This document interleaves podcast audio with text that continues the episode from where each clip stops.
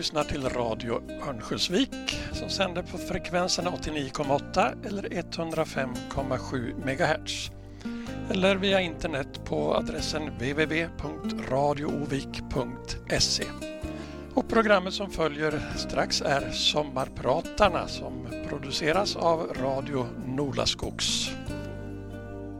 Vi välkomnar idag Ruben Madsen. Han kommer att sommarprata här i Radio Örnsköldsvik och vi säger varmt välkommen till dig.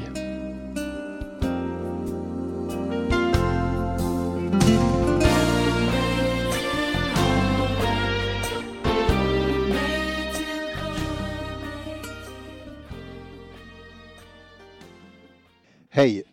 Jag bor på Ölvön, heter Ruben Madsen och jag ska spela lite musik för dig under den kommande timmen. Och i morse när jag promenerade hit till studion så tänkte jag så här, oj vad skönt det är med Summertime.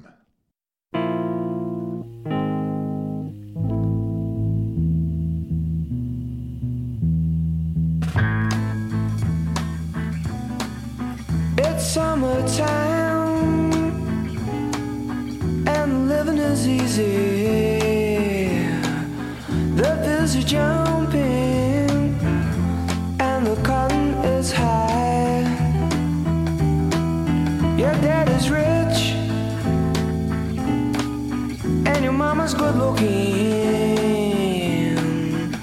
Won't you hush, pretty baby?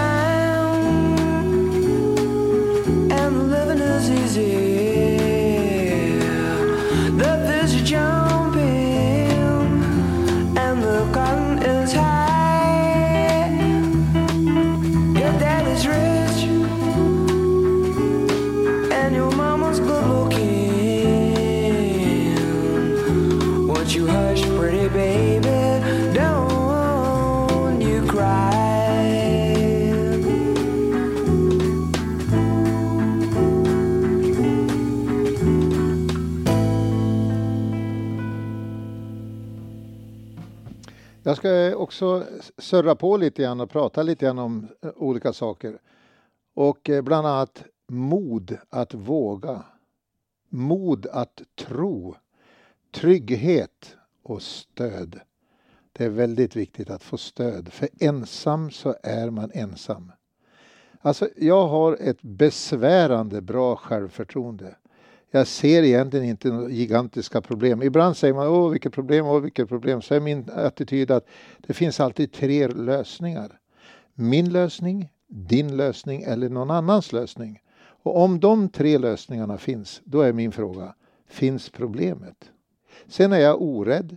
Jag kan jobba. Jag har jobbat från det jag var 13 år gammal och jobbat på mycket, oerhört mycket. Sen är jag kroniskt positiv. Och det är till och med så att ibland kan det vara lite besvärande. Man ifrågasätter om jag verkligen står med båda fötterna på jorden. Men så är det. Så har jag humor. Jag har mycket humor. Ta till exempel när våran oljepanna exploderade hemma i vårat hem. Och mamma hon sprang omkring och grät så att det gick rännilar i det svarta ansiktet som var fullt av sot. Och så sa hon till pappa, oj älskling, älskling, vad ska vi göra, vad ska vi göra? Och då svarade pappa, älskling, ta det med humor. Då, ja, man kan ju ha åsikter om det, men jag säger så här, positivitet och humor som en del av livet. Vad är alternativet? Sen har vi även jag haft mina trauman och tyvärr började jag lite dåligt med skolan. För att jag var en av tre som var sämst i klassen. Och jag lovar er, har ni aldrig fått upplevt det att vara sämst i klassen, då har ni kommit undan väldigt bra. Men pappa, när jag, när jag kom hem så sa alltid pappa, nej det är skolan som inte förstår sig på dig, du är toppen, du, du, du kommer inte ha något problem i framtiden, du är positiv och så vidare. Och sen hade jag en mamma, en professionell mamma, som gjorde allt för oss. Hon hade till och med gått i hushållsskola och hon var fantastisk. Men framför allt så gav hon oss villkorslös kärlek. Fantastiskt. Sen råkade jag ut för en sak i livet som har satt spår. När min son skulle börja ettan så sitter vi föräldrar runt väggarna där och så sitter vi där och så kommer den här fröken och ska hälsa välkommen och berätta om saker och ting. Då var det en liten kille som hette Stefan som hade sju syskon som alla hade gått i skolan tidigare så han kunde allt det här med skolan.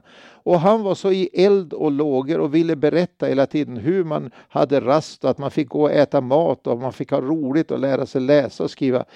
Och då står den här puttenuttfröken och försöker bara tysta ner honom hela tiden. Ja, men nu är det fröken som ska prata och så vidare. Och hon bara försöker dämpa hans entusiasm, dämpa hans energi, dämpa hans lycka och alltihop.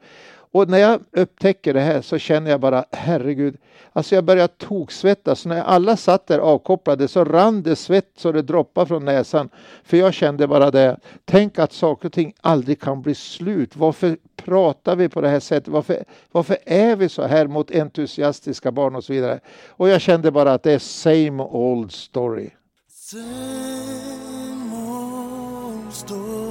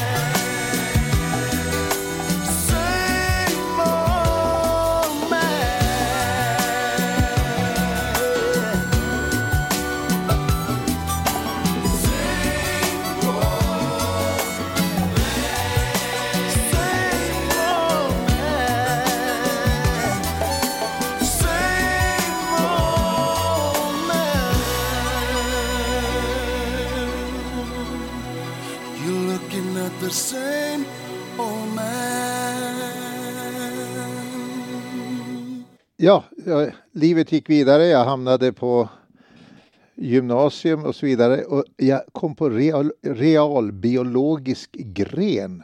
Så att jag hade möjligheter att bli både läkare och tandläkare och, och allting. Men eh, det var så här att då stack jag till Bergen i Norge, för vår, vår släkt kommer från Bergen i Norge och var på semester och där såg jag de stora båtarna och så vidare. Så vad hände?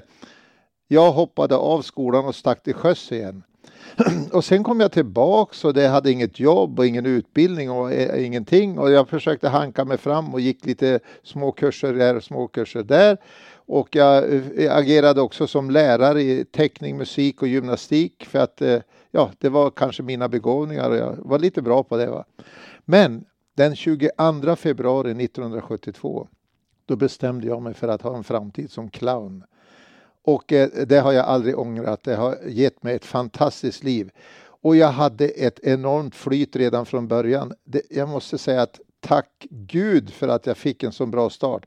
Och jag hamnade på sådana här fantastiska eh, högpotenta eh, festivaler och liknande. Bland annat har jag uppträtt i Festspelen i Bergen det är bara den värsta eh, klassiska musiken och allting. Jag var på Reykjavik Arts Festival, bland annat med Dramaten och, och, och eh, en massa kända sångare från Sverige och så vidare. Jag har varit på Tampere International Theatre Festival som är känd över hela världen, Jelenia Agora i Polen och så vidare. Men då var det så att tio år senare när jag hade jobbat på och stått i och härjat och och, och liksom försökt komma igång och etablera mig och så vidare. Då träffade jag en kvinna som heter Viveka Bandler. Hon var chef på Stadsteatern i Stockholm. Hon hade sett mig uppträda några gånger och så ville man då i Kulturrådet i Sverige ville skicka en delegat till Sovjetunionen för att ha ett kulturellt utbyte och liksom lätta på trycket mellan länderna. Och jag blev delegat, eller delegatio som det heter på ryska. Detta var helt avgörande för min framtid. Utan jag hamnade i smöret och blev lite känd och har jobbat med, i Sovjetunionen och hej och hå. Och det bara gick uppåt, uppåt hela tiden. Sen 1987 så sågade jag av vänster hand. Jag lovar er, det var ingen bra grej. Och då tänkte jag så här, vad gör jag? Jag gick i terapi ett år för man kunde inte göra någonting och alla glömde bort clownen Ruben. Man finns inte på världskartan som artist om man har ett, ett uppehåll eller en paus. Så då när det där började, handen började fungera något sånär, då tänkte jag, vad gör jag? Då tog jag kontakt med Gregori Gaponov som var cirkusdirektör vid Leningrad cirkus och förklarade situationen att jag jobbar som clown i Sverige. Jag hade varit där och träffat honom så vi var, ska vi säga kompisar. Han tog mig under sina vingar och regissören Alexej Sonin de hjälpte mig med regissörer, med, med regissörer, med designers, med koreografer och allting. Så jag kunde börja och bygga upp en ny repertoar av clownnummer. Ni anar inte vad mina år från 88 till 93 i Sovjetunionen betydde. Jag reste runt i hela i Sibirien och i Georgien och hej och hå överallt och blev etablerad. Jag och de tog risker, för på den tiden var det ju Sovjetunionen med allt vad det innebär. Därför när jag hör den ryska nationalsången så är det märkligt, det är någonting inne i mig då som känns väldigt bra och känns väldigt positivt.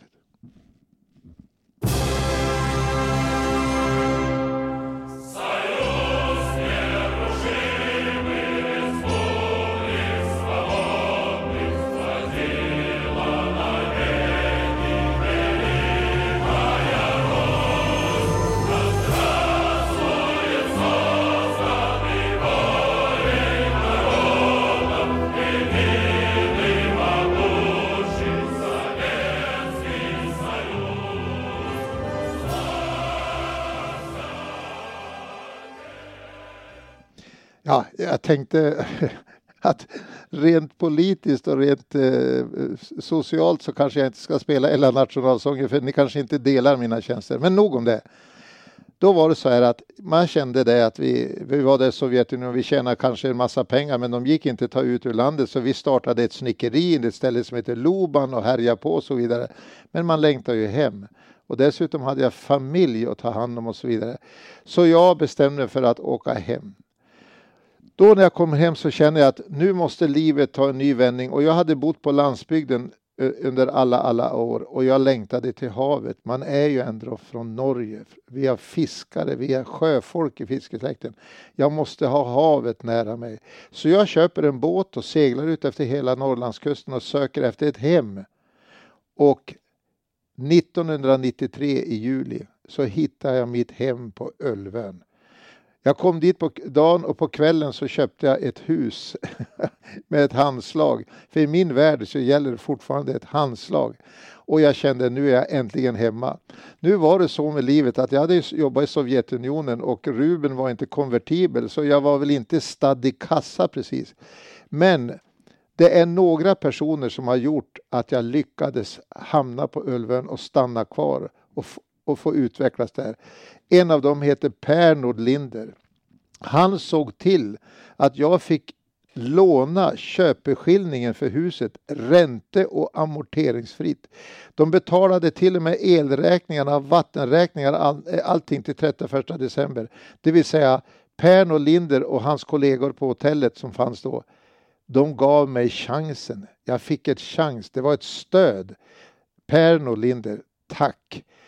Sen är det ändå så att man ska in i en social miljö som är ganska strikt och speciell. Och då fanns det en annan man som stöttade mig 100 procent. Han hette Kalle Bergström. Och när det krånglade till sig och, och, och, eh, jag tyckte att det var tungt med både det ena och det andra, då sa alltid Kalle, det fixar vi och så vidare. Jag glömmer aldrig när jag stod vid macken och skulle tanka Rollsen. Då började det brinna i Rollsen. Eh, jag hade en Rolls Royce då som nu. Och jag tänkte nej, nu är det kört. Så jag springer bort till hamnen. Jag drar av all el och springer bort till hamnen. För jag tänkte nu ber jag Kalle att få ställa upp Rollsen i hans loge. Och så får den stå där och ruttna tills någon hittar den och tänker wow, en Rolls Royce i en loge. Då när jag träffar Kalle så säger han nej, nej, nej, det är, nej, så kan vi inte utan vi drar den upp den i våran vedbod så kan du hålla på och mixtra med den där själv och laga den. han bara slängde i en kätting och drog iväg med mig där med traktorn upp och in i deras, det var gjort på en halvtimme så stod bilen där inne i vedboden. Och mycket riktigt, med lite om och men och lite grejer och lite känsla och lite ambition och allting så lyckades jag hitta kortslutningarna inne i instrumentbrädan där det hade brunnit och laga alltihop och få till det. Det här är ett exempel, men Kalle har, han har berikat mig och verkligen hjälpt mig i många lägen. Jag säger bara Kalle Bergström, tack. Sen råkade det vara så att vi hade en kille som heter Jölle också och han hjälpte mig att komma igång med det här med surströmming. Och eftersom jag är en nörd och med det ena med det andra så, ja, så har jag utvecklat surströmming så nu är det nog en del av min tillvaro. Och jag tycker det är fantastiskt med surströmmingskulturen. Jag är verkligen en nörd när det gäller det. Men jag måste ju tjäna lite pengar också, man måste överleva, så jag fortsatte att jobba som eh, clown. Och då hade jag fortfarande lite flyt. Än en gång, tack gode Gud för att jag har fått sådana förmåner i livet att ha tur och flyt. Så bland annat så var det prins Rainer, eller Renier hette han, i Monte Carlo. Han liksom gillade mig på något sätt. Va? Så när han hade sina tea parties och gud vet allt vad det var, så fick jag åka ner dit och jobba där. Och bland annat så har jag jobbat med Orkester Philharmonique de Monte Carlo. Jag har jobbat på de mest exklusiva nattklubbarna där och har varit huvudartister och massa.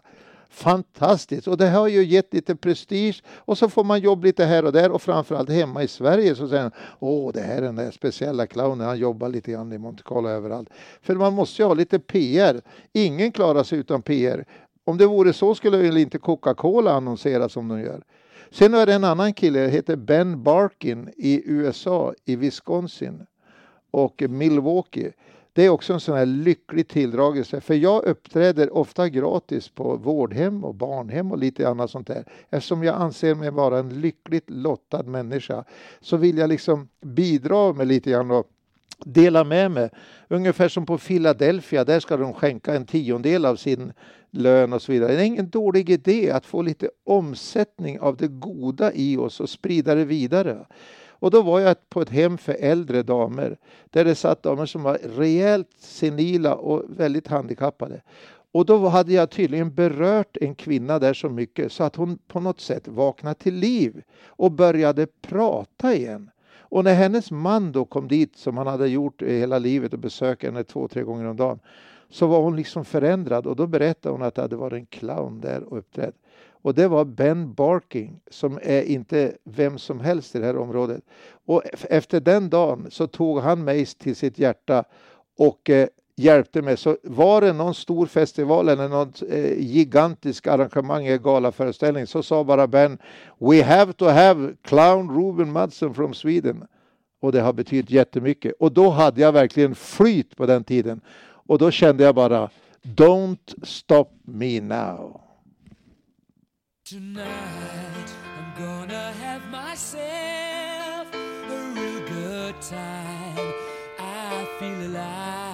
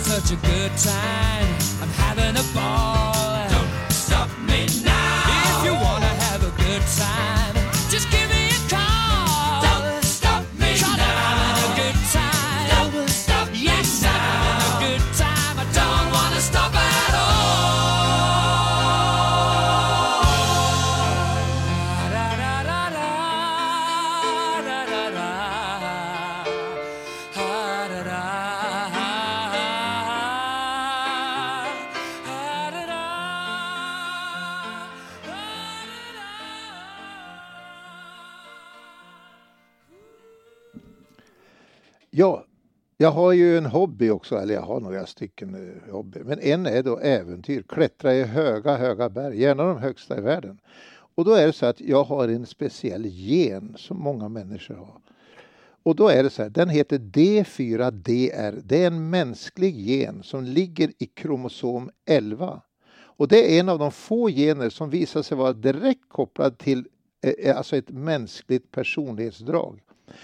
När DH, D4DH, nej, när D4DR-genen är muterad, vad nu det är, eller avlång så har, man, har det visat sig att en, den enskilde personen kan vara mer intresserad av fara, spänning och spänningssökande. Alltså man upplever att de här trauman är man fullständigt uttröttad och rädd och det är dramatik och det är faktiskt en livsfara. Så vänder den här genen det så det blir någon form av eufori.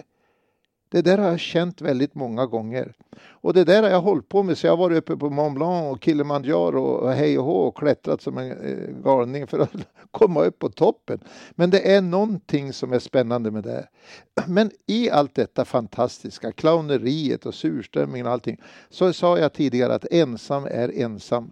Så att det är nämligen så att plötsligt så inser jag att jag behöver en livskamrat somebody to love.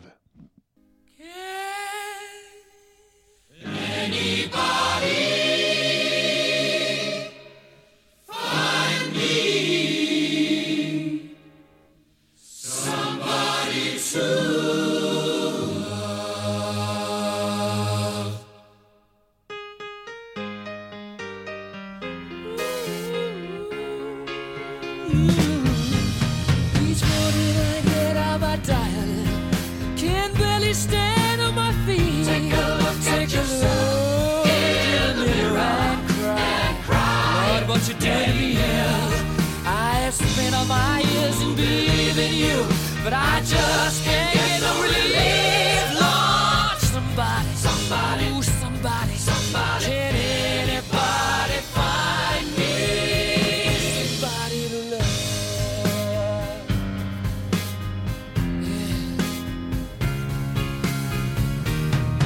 I work hard every day of my life. I work till I ache my bones. My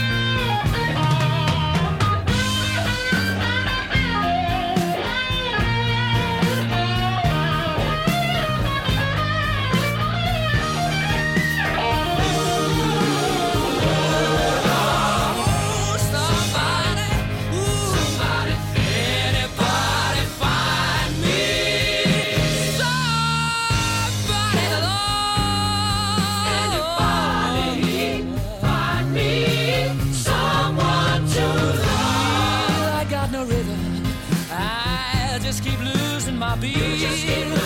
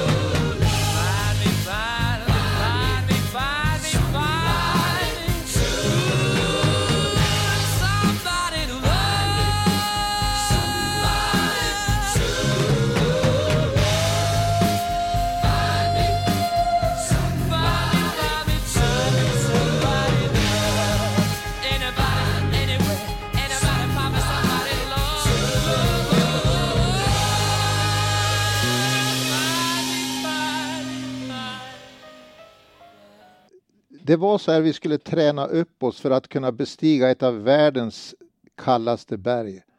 Så därför vistades vi i en vecka, 125 timmar, jag och min systerson, i ett frysrum, minus 32 grader, för att testa om vi tålde kylan helt enkelt. Och då sändes det här ut via internet, det var en kamera där inne och då behövde vi broderade märken på kläderna för att visa vilka som var sponsorer. Och då tog jag kontakt med ett företag i Husum då som heter Alenius Brodyr. Nu heter det Agneta Alenius Incorporated AB och ligger i Örnsköldsvik här. Och de håller på med sådana här brodyrer och allting. Och när jag kom upp dit och såg denna Agneta, då blev jag dökär. Och för att göra en lång historia kort, numera heter hon Agneta Lenius Madsen och vi har varit gift i åtta år. Jag hoppas det, det var åtta år älskling. Men vi har känt varandra i nio, tio år och så vidare. Och det här är helt fantastiskt. Vi har ett underbart liv ihop och har väldigt roligt och så vidare. Och jag var kär då och jag är kär nu och jag tror jag kommer att vara kär i övermorgon och så vidare. Det är en underbar situation. Och då är det så här att jag är också realist så jag fortsätter att klättra. Så nu i fjol i januari så skulle jag klättra på Aconcagua i Argentina som är södra halvklotets högsta berg upp eh, åt 7000 meter. Och då tänker man så här det är ju en risk att man störtar ner och dör. Så jag och Agneta, vi tog en massa bilder så att de skulle ha det här är sista bilderna med Ruben och så vidare. Va? Och så broderade hon på min jacka mitt namn och adress och allting för att om jag ramlar ner så blir man ju liggande där några år innan de hittar en. Och då ville jag att de skulle kunna identifiera kroppen och så vidare. Ja, jag är ganska realistisk här och Agneta är också en realistisk tjej så att ja, det är bara så. Och jag är inte rädd för döden utan jag anser att det är bara en del av livet. Det kommer alltid nya röster.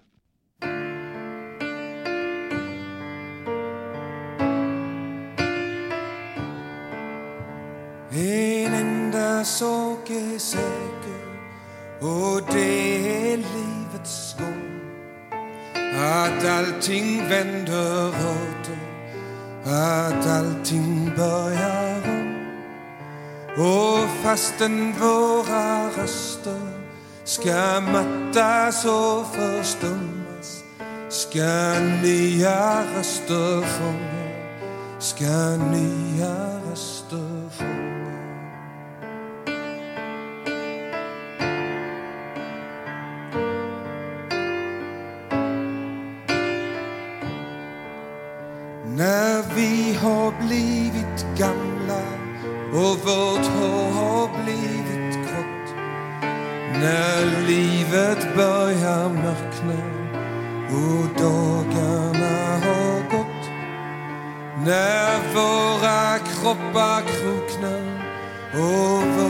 Våra steg blir tunga Ska nya röster sjunga, ska nya röster sjunga.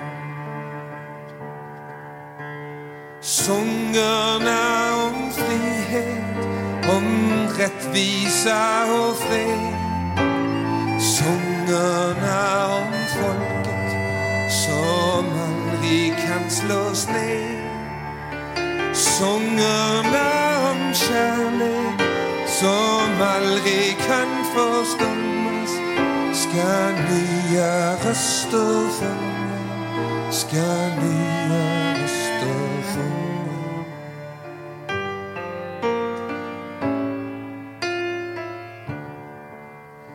Och du och jag ska sitta vid fönstret i vårt hus. Och varandras händer i vårens klara ljus. Och utanför på gatan där vindarna är ljumma ska nya röster sjunga, ska nya röster sjunga. Sångerna om frid om rättvisa och fred. Sångerna om folket som aldrig kan slås ner. Sångerna om kärlek som aldrig kan förstummas ska nya röster sjunga, ska nya röster sjunga.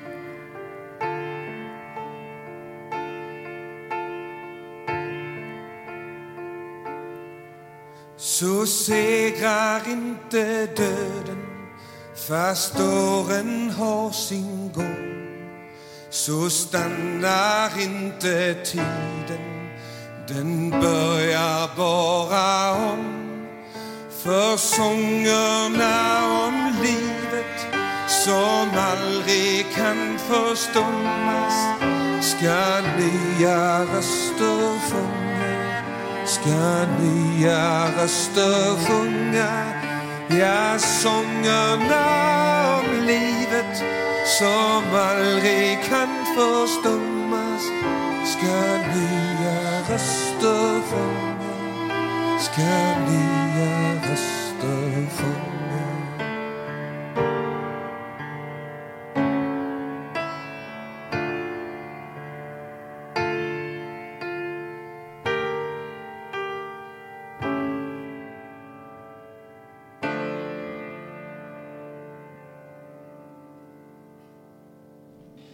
Jag tror att alla har ett andligt liv.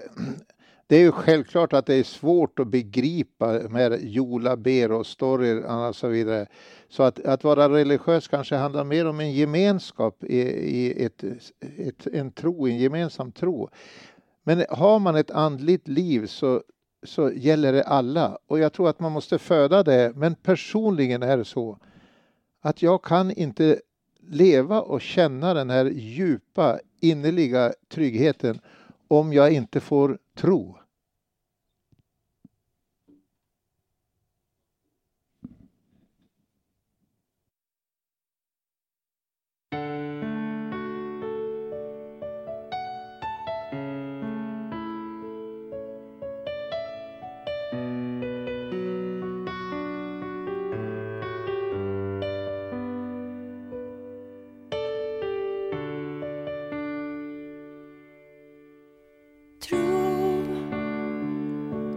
Vill känna tro. Jag vill känna morgondagen nalkas här i lugn och ro. I en vintervärld finns det någon tro. Jag vill känna önskan om en tid så ljus som friheten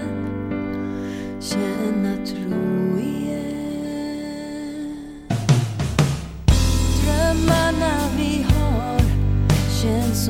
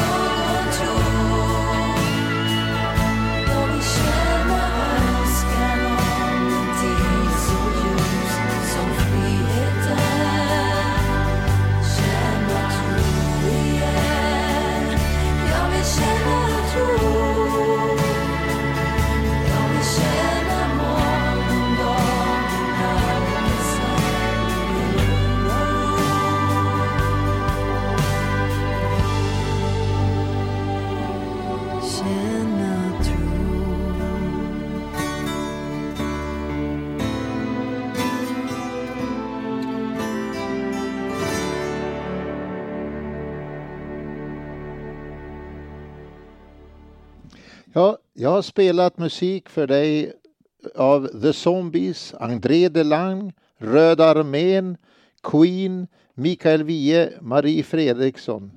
Och jag vet inte vem du är, som har lyssnat är och jag vet inte var du befinner dig. Men jag vet att du finns. Och jag vet inte om det fungerar, alltså jag kan inte lova någonting, men jag tänker så här, tänk om det fungerar. Så jag vågar inte chansa. Så därför önskar jag dig Guds rika välsignelse.